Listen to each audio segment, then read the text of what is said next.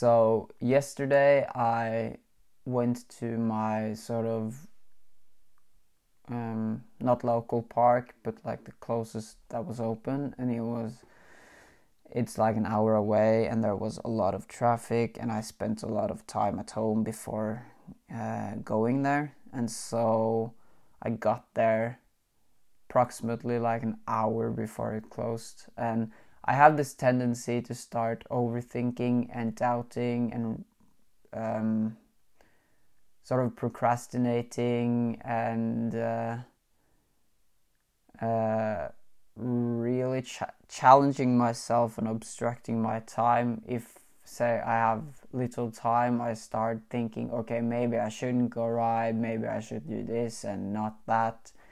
And I maybe sit down and eat or something, and all these weird, complacent um, tendencies. But then I got into the session obviously because I I got I drove there so I had to had to do something and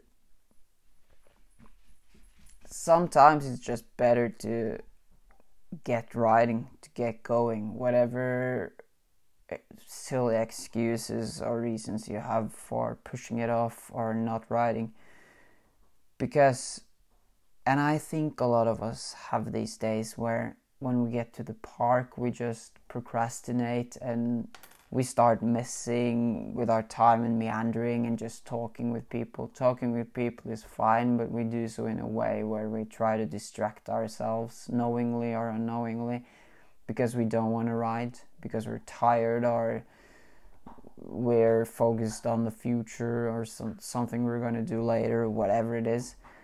And the problem with this is that the time is ticking, the clock is running out, let's say. Whatever you do when you're at the park, uh, this is my stance. Um, and an, an idea I try to remind myself of because I'm so bad at this at times. Um, but when you get to the park, whatever you actually do, the time is running out. Especially for me now in the winter because there is actually a closing time for the park. It's not like an outdoor outdoor park where you can be all day. And so whatever I do when I'm riding, whether I get a good session in or I just procrastinate because I don't want to ride and I'm a little tired or sore or, or whatever, the time is running out.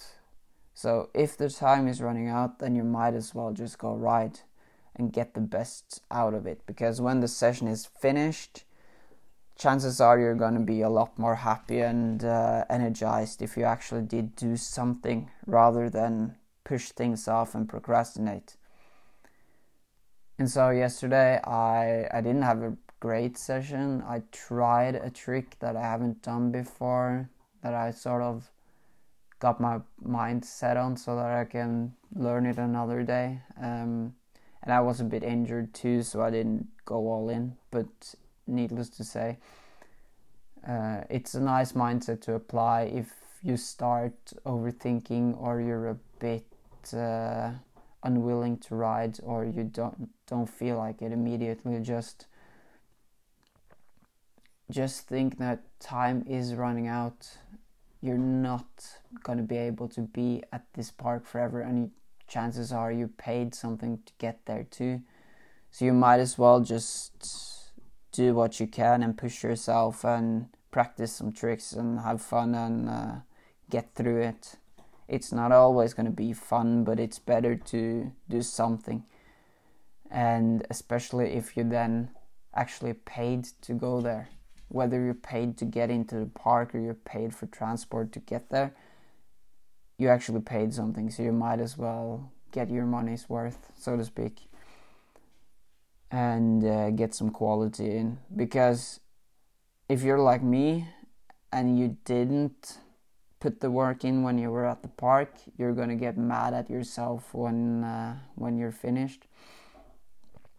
Contrasted to if you actually did get something done, then you're going to be a lot more energized and motivated after the session, ironically, more than before.